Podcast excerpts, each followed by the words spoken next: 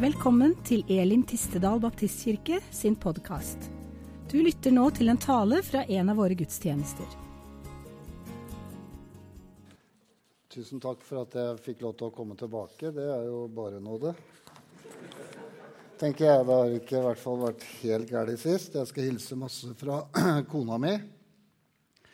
Hun uh, måtte steppe inn for en som var syk i salen, og synge litt. Så da prioriterte hun det. Og det går jo greit. Jeg klarer meg sammen med Herren, jeg. Men uh, hun hilser masse. Ungene er også i, i salen, da. Uh, jeg skal lese Jeg håper den står der, altså. Sånn. Jeg skal lese noen vers. Jeg åpner med å lese noen eh, vers fra Guds ord. Bruker å gjøre det. Det er veldig trygt og godt å stå på ordet. Jeg leser ifra Matteus 14 og ifra vers 22. Straks fikk Jesus, Jesus disiplene sine til å gå i båten og dra foran ham til den andre siden mens han sendte folkeskarene av sted. Og da han hadde sendt dem av sted, gikk han opp i fjellet for å være for seg selv og be. Og da kvelden kom, var han alene der. Båten var nå midt ute på sjøen og ble kastet hit og dit av bølgene, for det var motvind. Men i den fjerde nattevakt kom Jesus til dem gående på sjøen. Da disiplene så ham komme gående på sjøen, ble de forskrekket og skrek av redsel. Det er et spøkelse. Men straks talte Jesus til dem og sa, Vær ved godt mot, det er meg. Ikke vær redde. Peter svarte ham, Herre, hvis det er deg, så be meg komme til deg på vannet. Han sa, Kom.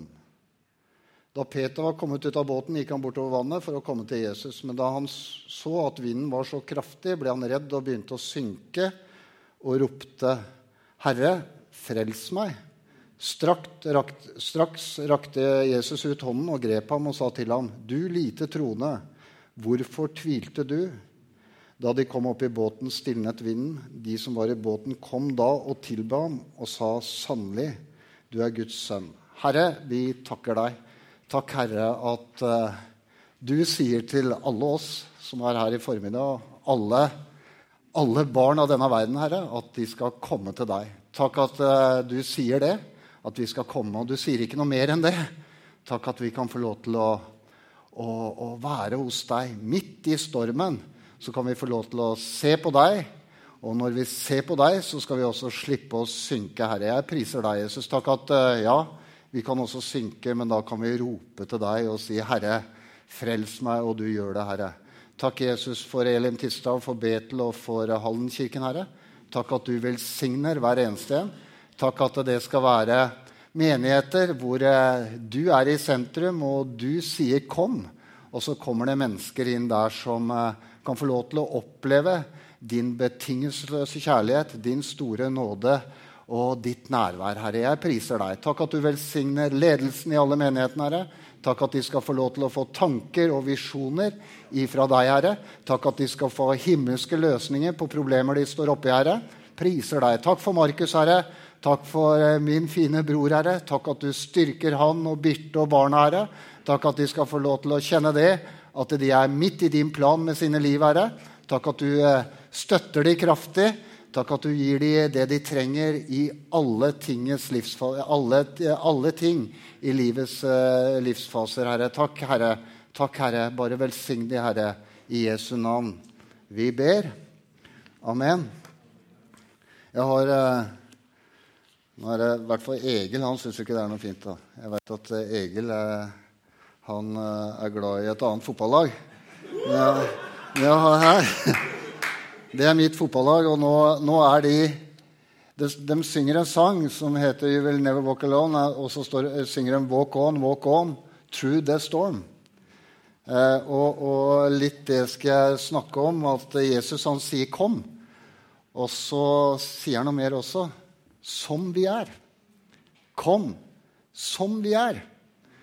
Og ofte så kommer vi til mennesker kanskje med en litt annen eh, Eh, utstråling enn akkurat hvem vi er. For ofte så er det alt det vi har og alt det vi bærer på, det er ikke alltid like lett å dele med alle. Og jeg er sånn at eh, hvert, eh, hvert, årsskifte så uh, ber jeg til Herren og har noen, har noen bønnebegjær. Så, og, og, så, og, så, har jeg hvert år fått noen vers som har vært toneangivende da, for det året som skal komme. Og det samme gjorde jeg i år. Første nyttårsdag så satte jeg meg ned og, og med betraktninger på hvordan verden så ut. Jeg hadde, sa ja til en ny jobb i, i, i november. Og, så var det full fart med å avvikle den uh, jobben som jeg uh, var i.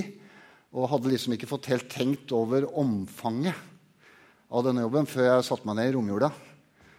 Og da fikk jeg det som vi kaller Jeg har tidligere rusmisbruker. Vi ofte, sa ofte tidligere i hvert fall at vi fikk noia. Og det fikk jeg litt uh, Og det betyr at du blir litt sånn Ja.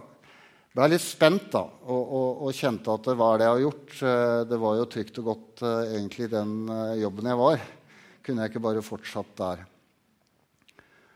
Og de tinga hadde jeg med meg inn i det nye året, da, første nyttårsdag. Og så var det det at det det er, det er, krig, og det er usikker økonomi, og alt var liksom litt utrygt og litt usikkert. Og Herren, han er trofast, så jeg fikk noen vers igjen, og jeg skal lese ifra Og med en gang så tenkte jeg det, ja, men dette her er jo en, eh, en uh, Kristusprofeti. Det er Davids uh, tror det er den første Kristusprofetien i salmene. Det er salme 16, og det er fra vers 8 og jeg tror dette er Hverdagsbibelen, som er eh, den oversettelsen jeg har brukt her. Messias sier, 'Herren er alltid foran meg, fordi han er, er ved min høyre hånd.' Står jeg støtt. Derfor er jeg glad i mitt hjerte, og alt som er i meg, fryder seg. Ja, også når min kropp skal gå i døden, har jeg håp. For du, Gud, skal ikke forlate min sjel i dødsriket, eller la meg tilintetgjøres. Gud, du skal befri meg fra døden. I din nærhet fylles jeg av glede. I din nærhet er det en glede som varer til evig tid. Det var det jeg fikk. Og, og så tenkte jeg det at yes, her er løsninga. Jesus han sier 'kom' nok en gang. Og så kan jeg få lov til å være i hans nærhet. Ja, hva skjer da? Jo, da skal jeg fylles med glede.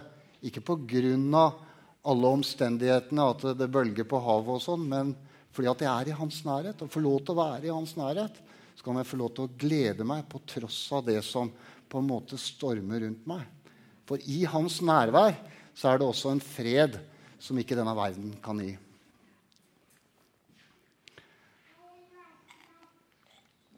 Nå er jeg jo i en uh, baptistmenighet, og da veit jo sikkert alle her hvem eh, Charlotte Elliot er.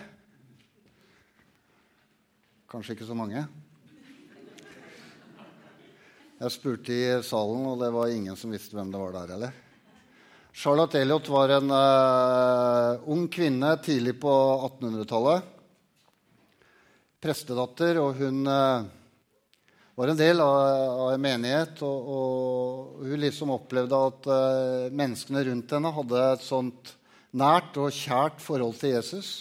Og hun kjente liksom at hun hadde ikke helt det. Hun, hun, hun kjente på det at, ja, du vet hva, jeg, er bare, jeg er bare meg. Lille meg. Jeg har liksom ikke noe å komme med.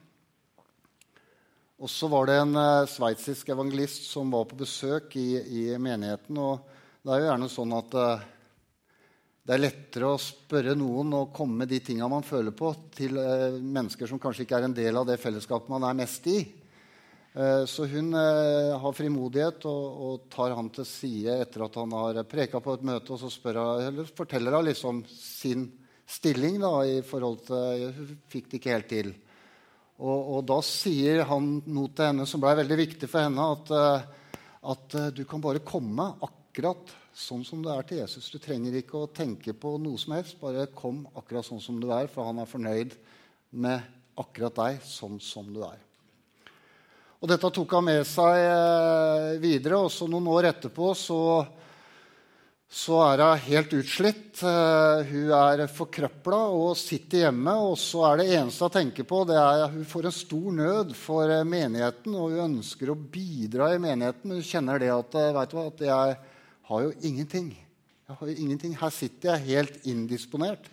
Jeg har ingenting å komme med. Så får hun en tanke om at hun skal begynne å skrive dikt. Hun var glad i å skrive. Og hun skriver et dikt, og det diktet det heter 'Just As I Am'. Det første diktet hun skriver. Og det sender hun inn til den lokale pressen. Og, og det blir gitt ut i, i hele verdenspressen. Det, det, første diktet hennes, og, og, dikt etter dikt ble gitt ut. Og dette ble sånn at hun tjente litt penger på dette og fikk lov til å gi det inn i menighetens arbeid. Fikk lov til å bidra akkurat sånn som hun var. Eh, når de eh, rydda opp i hennes eh, hus etter at hun gikk bort, så fant de flere tusen brev rundt om fra hele verden hvor de, hvor de skriver til henne og takker henne fordi at hun hadde både ført mange til Jesus gjennom sine dikt og sine skriverier i avisene. Og, og, og, og hun hadde velsigna tusenvis av mennesker. I 1930, eh, tidlig 30-tallet, så er det en uh, ung bondegutt, en melkebondegutt, som hører sangen 'Just As I Am', som da er lagd på bakgrunn av, av det diktet og kjenner det at han må gå fram og gi hele livet sitt til Jesus.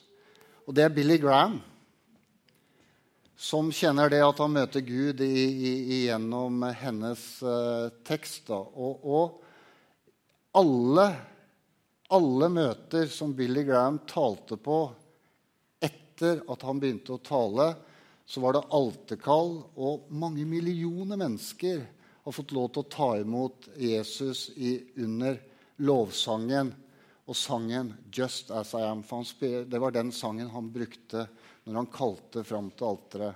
Den lille kvinnen som satt der, Charlotte Elliot, som satt der og tenkte det at jeg er helt forkrøpla. Jeg har ingenting. Jeg ønsker å bidra med noe til menigheten. Og så hun, begynner hun å skrive det diktet 'Just As I Am'. Ikke visste hun at millioner av mennesker skulle få lov til å oppleve både frelse og forløsning og Guds kjærlighet gjennom de orda hun skriver. Jesus sier det. 'Kom.' Ja, men jeg har jo ingenting. Nei, kom. Og kom akkurat sånn som det er. Og la Han få lov til å gjøre det verket som Han ønsker å gjøre gjennom hver enkelt av oss.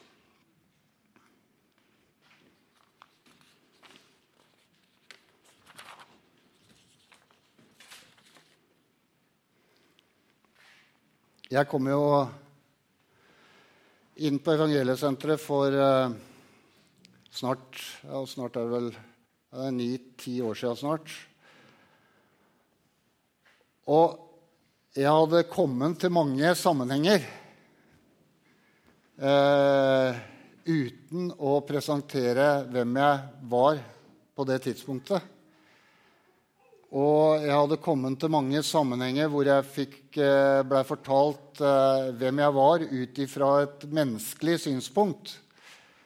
Eh, I mange andre sammenhenger tidligere. Men det verste var de tankene jeg hadde om meg sjøl. Hvem jeg sa at jeg sjøl var.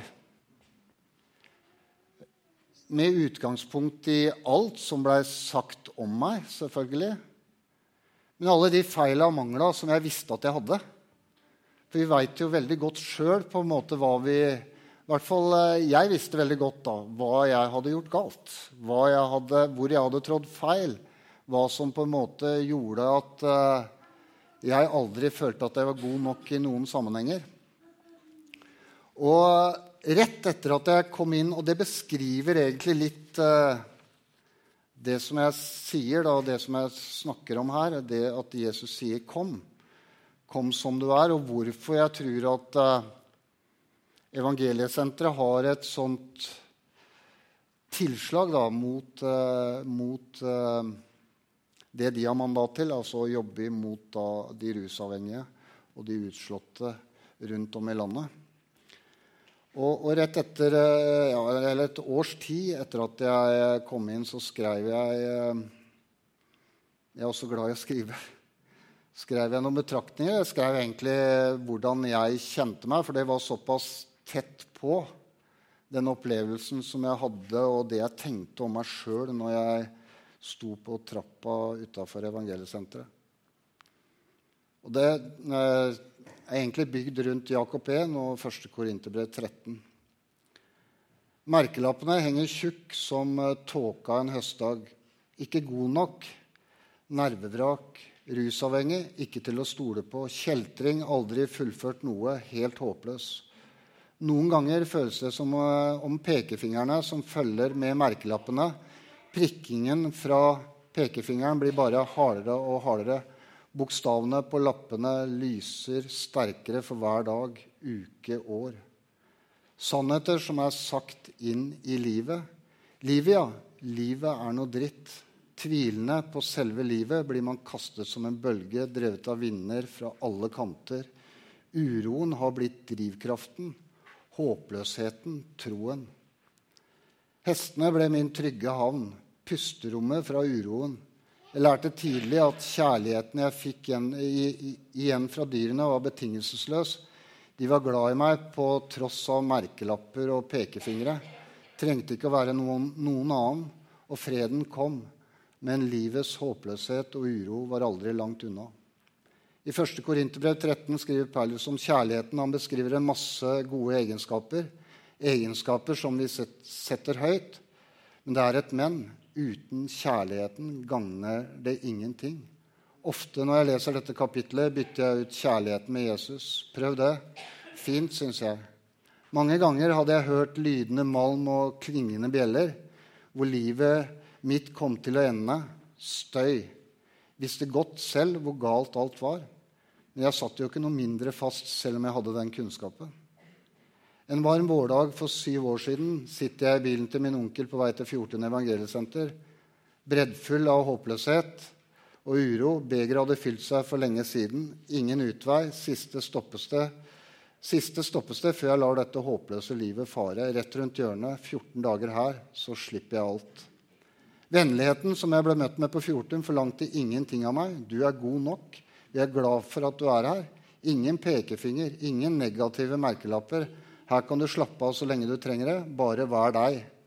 Betingelsesløst fikk jeg komme når alt håp var ute, og jeg fikk hele tiden høre at ennå er det håp. På tross av hvordan omstendighetene var rundt meg, hvordan jeg hadde det inni meg. Tålmodigheten og godheten, Guds godhet i menneskene som var der, smeltet gradvis vekk uro, håpløshet og hardhet. En lengsel begynte å vokse fram lengsel etter det som jeg så bodde i disse menneskene. En lengsel etter vennligheten, tålmodigheten, utholdenheten og godheten. Og sånn var det. Og jeg tenker det at eh, jeg kom jo inn eh, fordi at eh, jeg hadde, eller jeg har, en datter som er forholdsvis oppvakt. Og hun var ti år gammel når jeg eh, kom inn på evangeliesenteret. Og rett før dette så hadde hun skrevet et langt brev til meg hvor hun fortalte meg det at uh, hun ikke ønska å ha meg til, som pappa lenger. Fordi at jeg brøyt avtaler og, og, og ikke var til å stole på. Og hvis ikke jeg endra min livsførsel, så, så, måtte hun på en måte diskvalifisere meg som pappa. Et veldig, veldig langt og sårende brev for meg.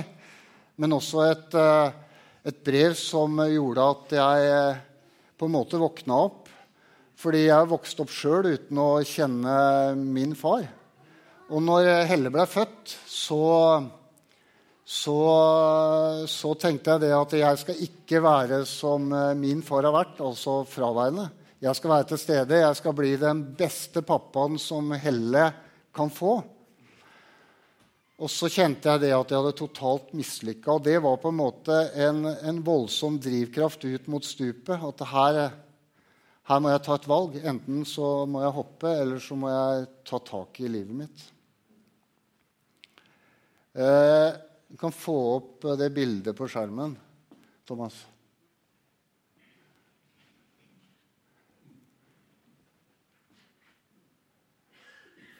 Der er Helle. Det er det første bildet som ble tatt eh, etter at jeg hadde kommet inn på Evangeliesenteret og, og, og, blitt rusfri. da. Og så hadde jeg vært der i fire måneder, tenker jeg. Fire-fem måneder. Og, og, jeg hadde delt, eh, delt omsorg og, og, var hjemme på perm. Min første perm. Og, og, og, der tok vi dette bildet på toppen av hangaren. Eh, Helle er fra Voss. Vi, jeg har bodd på Voss i mange år sjøl. Så vi har gått turen opp til hangaren. da. Så det var liksom begynnelsen på, på å bygge den relasjonen som, eh, som jeg som far-datter, som den faren som jeg ønska å være innerst inne. Og lite visste jeg. For det er litt sånn at jeg kom til Gud akkurat sånn som jeg var. Eh, jeg kom med alle mine feil og mangler. Jeg kom med min håpløshet, min angst, min uro, min, eh, min eh, feiling når det gjaldt å fullføre ting og stå i ting. Jeg knakk jo med en gang det kom litt motstand. Så fikk jeg lov til å oppleve det at uansett hva som stormer rundt meg, så lenge jeg klynger meg til Han, så lenge jeg ser på Han midt i stormen, og ikke ser på de bølgene som er rundt meg, og den vinden som raser ofte. Når jeg holder blikket mitt på han, har fokus på han, så kan jeg få lov til å bli stående. Ja, selvfølgelig så faller jeg innimellom. Men jeg kjenner det når jeg kan få lov til å være i hans nærvær, så kan jeg kjenne på en glede som, eh, som egentlig er helt utenfor all forstand. Fordi at eh, noen ganger så har jeg kanskje ingen grunn til å glede meg. Men når jeg er i hans nærvær, så gleder jeg meg for det. Og så er det litt sånn at vi som troende, når vi kjenner at det stormer, når vi kjenner at uh, ting skjer her og ting skjer der, så er det viktig at vi begynner å reflektere over hva er det Gud har gjort for meg. Hva er det han har, har gjort i mitt liv? Hvem er Jesus for meg? Da begynner vi å rette fokuset mot han, og så begynner vi å takke ham. Og så kan vi kjenne det at ja, hva kan jeg bidra med i Ukraina? Hva kan jeg be om for de som ligger begravd i Tyrkia? er ikke sant? Får man et helt annet fokus istedenfor at man kjenner at man får pustevansker når ting stormer. Så bare kjenner man, Hvis man har fokus på det som skjer, så blir det tungt å puste innimellom. I hvert fall blir det sånn for meg. Jeg veit ikke åssen det er for deg. Men uh, Helle hun, uh, hun uh, kommer rett før jul. og så hun ringer meg rett før jul. Hun bor i Oslo og studerer i Oslo. Så sier hun det at 'Pappa, du, jeg må, jeg må komme og levere julegaven min til deg.' Og, og så sier jeg ja, det Bare kom når du har tid. Jeg er nå stort sett hjemme. Så skjedde det en del. Det var veldig mye dårlig vær. og så Hun er litt sånn uh, urutinert sjåfør, så jeg ringte og sa men du må ikke komme i dag, for da er det glatt på motorveien. og masse greier, og du må være forsiktig. Og så uh, kom han til slutt, men da hadde hun glemt julegaven. Og så ble hun så lei seg, så tenkte jeg ja, det er vel de vanlige sokkene og, og Ikke sant? Du veit jo. Men denne gangen så ga hun seg liksom ikke. Nei, men jeg, jeg har så lyst til å gi den uh, gaven til deg. Og så dro hun. Hun skulle jobbe hjemme i Voss eh, i jula. og Hun fikk liksom ikke levert denne gaven. Hun maste etter jul også. Jeg må komme og få levert den. Så var jeg inne på, på LED eh, rett over nyttår eh, inne der lederkonferansen for pinsebevegelsen. Og så sier hun at nå, nå kommer jeg, for nå har jeg vært og stått på ski på, på noe som heter Snø. Det er en sånn innendørs skihall inne i Oslo. Og så, og ikke så langt unna Lillestrøm, da, hvor LED var. Så du kommer der og, og overrekker denne gaven. Da. Og det var jo eh, Omfanget var en stor gave, og det var jo liksom litt vanlig noe olivenolje og sånn. Men inni der så lå det et bilde. Og det er det samme bildet. Og så tenker jeg hva er det Gud eh, kan gjøre for de som For, for meg, hva, hva, er det, hva, er det, som er Hva er det som er eh, er det jeg setter betegnelsen på som suksess? Da? Eller hva er det som har stor verdi i mitt liv som jeg kan betegne som suksess? Eh, og vi, vi, kan jo ofte ha noen forskjellige tanker rundt hva er det som er suksess. Hva er det som er liksom en seier? Ja, nei, god økonomi, eh, flott stilling altså, Det kan være mye vi kan eh, betegne som suksess. Men uh, når jeg får det bildet, og det er jo greit nok, det Det er jo et bilde, et fint bilde, det. Uh, Helle er uh, ja, ti og et halvt år. Men bakpå der så står det tegnet på suksess for meg, da. Der står det til min fine pappa God jul og godt nyttår. Jeg er utrolig stolt av deg og alt du har fått til de siste årene. Du er virkelig et forbilde for meg, og så mange elsker deg så mye. Og for meg så er det suksess. Fordi at når jeg kom til Jesus for første gangen, så var jeg helt mislykka som pappa. Og det jeg hadde i hjertet mitt, var det at uh, Jeg har mest lyst til å hoppe utfor det stupet her, men jeg fikk et bilde av Helle gråtende Det var jo Gud. Og så har ikke jeg tenkt så mye på at uh, jeg skal bli en suksessfull pappa. Men han har virka gjennom meg til at jeg kan bli det forbildet som var ment helt ifra begynnelsen av når jeg sto på fødestua og tenkte det at jeg skal ikke bli en sånn pappa som min pappa har vært. Og så kan jeg i dag få lov til å si det at jeg er den beste pappaen som Helle noen, kunne, noen gang kunne ha fått. Ikke på grunn av, men på tross av noen av de åra så har jeg fått lov til å oppleve Guds kjærlighet i mitt liv fordi at jeg har vært i hans nærvær og klynga meg til han og sett på han i alle stormer som har vært. Og så er det han som har gjort det gjennom meg.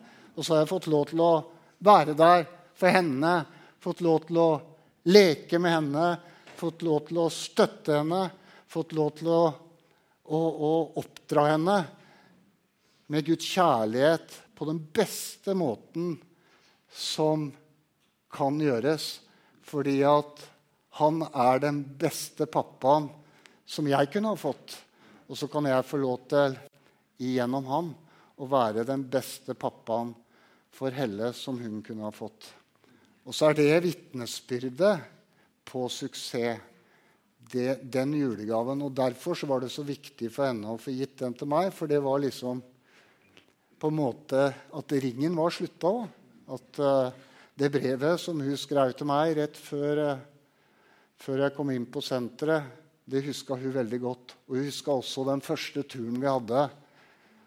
Og så har ikke jeg lovt henne noe etter at jeg ble frelst, men jeg har fått lov til å være der og være noe for henne. I eh, Jeg satt her og, og tenkte her rett før eh, ja, rett, rett, etter nyttår. Og så, og så skrev jeg en setning som uh, jeg syns er veldig betegnende. Uh, for at Jesus skal få påvirke våre liv med alt han er. Med alt han er. For det står det at han ønsker å fylle alt i alle. Ja, men da velger vi For jeg tror på Guds ord. Jeg. Vi kan gjerne Ja, men eh, det er noe som eh, skal være Glenn. Nei, han ønsker å fylle alt i alle. Han som fyller alt i alle, står det. For at Jesus skal få påvirke våre liv med alt han er, så må vi komme til ham som vi er. For ofte så er det noe vi holder tilbake og, og tenker det at dette her er liksom uh, enten for drøyt eller eh, dette her er ikke noe som Jesus er interessert i. Jo, han ønsker alt vi er. Og, og, og jeg lå inne på Evangeliesenteret det første året og, og satt under forkynnelse to ganger om dagen. og vitnesbyrd og forkynnelse. Og det er klart at uh, uh, en som kommer inn med et uh, sønderskutt liv da, og, og, ligger under egentlig Det var variert kvalitet, men det var i hvert fall Guds ord. Så, så, er det klart at jeg satt der med et åpent hjerte og tenkte det hver gang jeg gikk på samling, at hva er det Herren har lyst til å peke på i mitt liv nå? For det var jo fullt av grums. ikke sant? Så Det første året så lå jeg i fosterstilling om natta og, og, og gråt og kjente at Gud jobba med meg, og Gud istandsatte meg, og Gud utfordra meg, og, og Gud utforska meg. Og, jeg kom til han med alt, alt jeg hadde. I Hebreerne 10-19 så står det derfor har vi frimodighet ved Jesu blod når, når vi går inn i Guds helligdom. På grunn av, det står også i hverdagsbibelen, leser jeg fra nå. Pga. Jesu død kan vi alle gå inn forbi forhenget til det aller helligste og komme til Gud. Fordi Jesus er vår øverste prest, kan vi nærme oss Gud fylt av tro på at han vil ta imot oss. Ved sitt blod har Jesus renset hjertet, hjertet vårt og gitt oss en ny samvittighet som gjør oss rene for Gud. Ja, hva er det som gjør at vi har, eh, kan ha frimodighet til å gå like inn i helligdommen? Hva er det som gjør at vi kan gjøre det? Er det fordi at vi har prestert og har suksess i det timelige, eller eh, hva er det?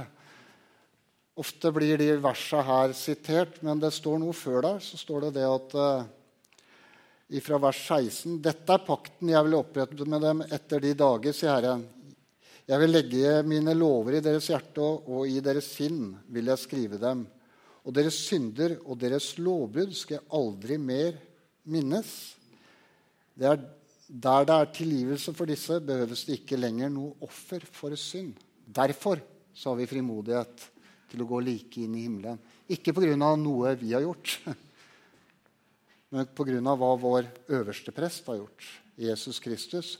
Så har vi frimodighet til å gå like inn i helligdommen. Lovsangen kan komme opp.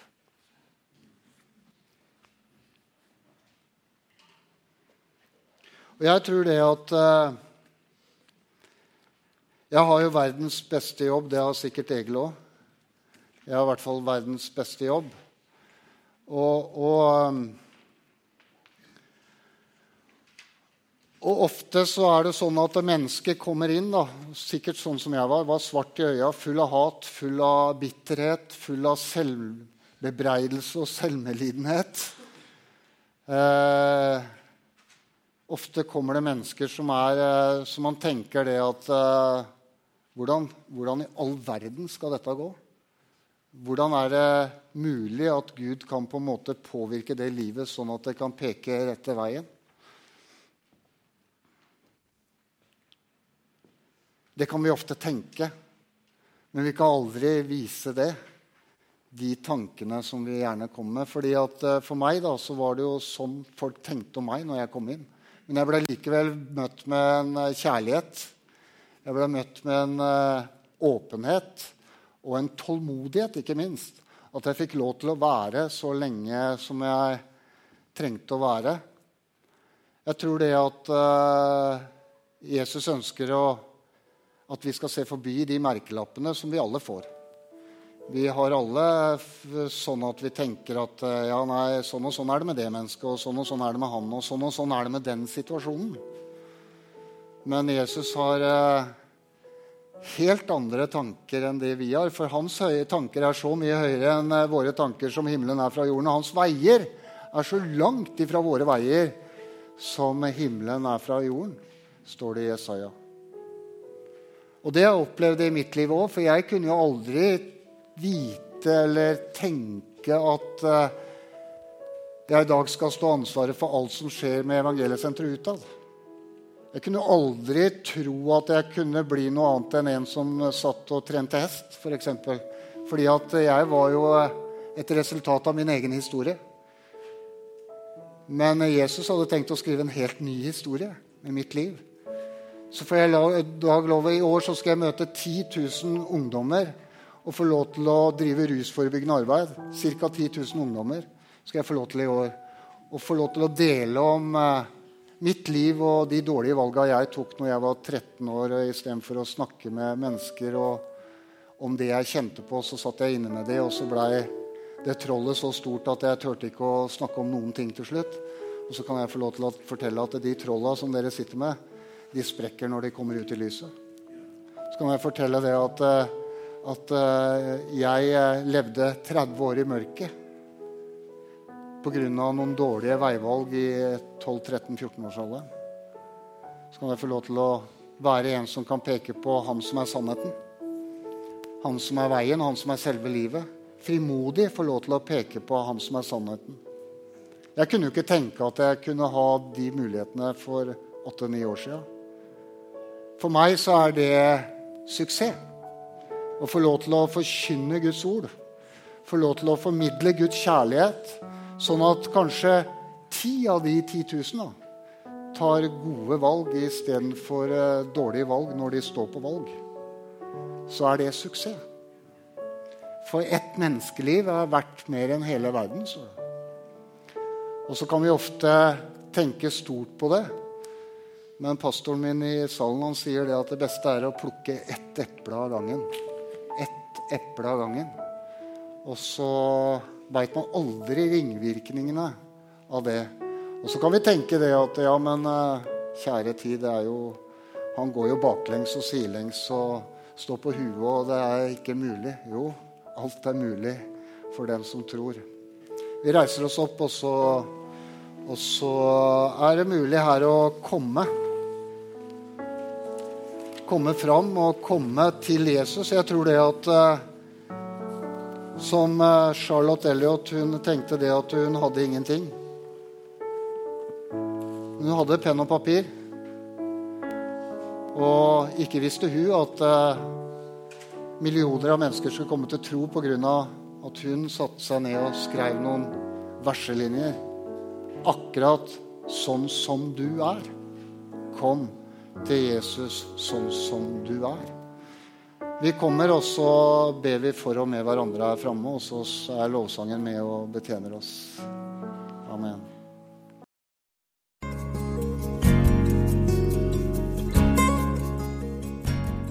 Takk for at du lyttet til denne talen. Håper du ble inspirert. Ønsker du å vite mer om hvem vi er og hva vi gjør? Sjekk ut vår hjemmeside elintistedal.no.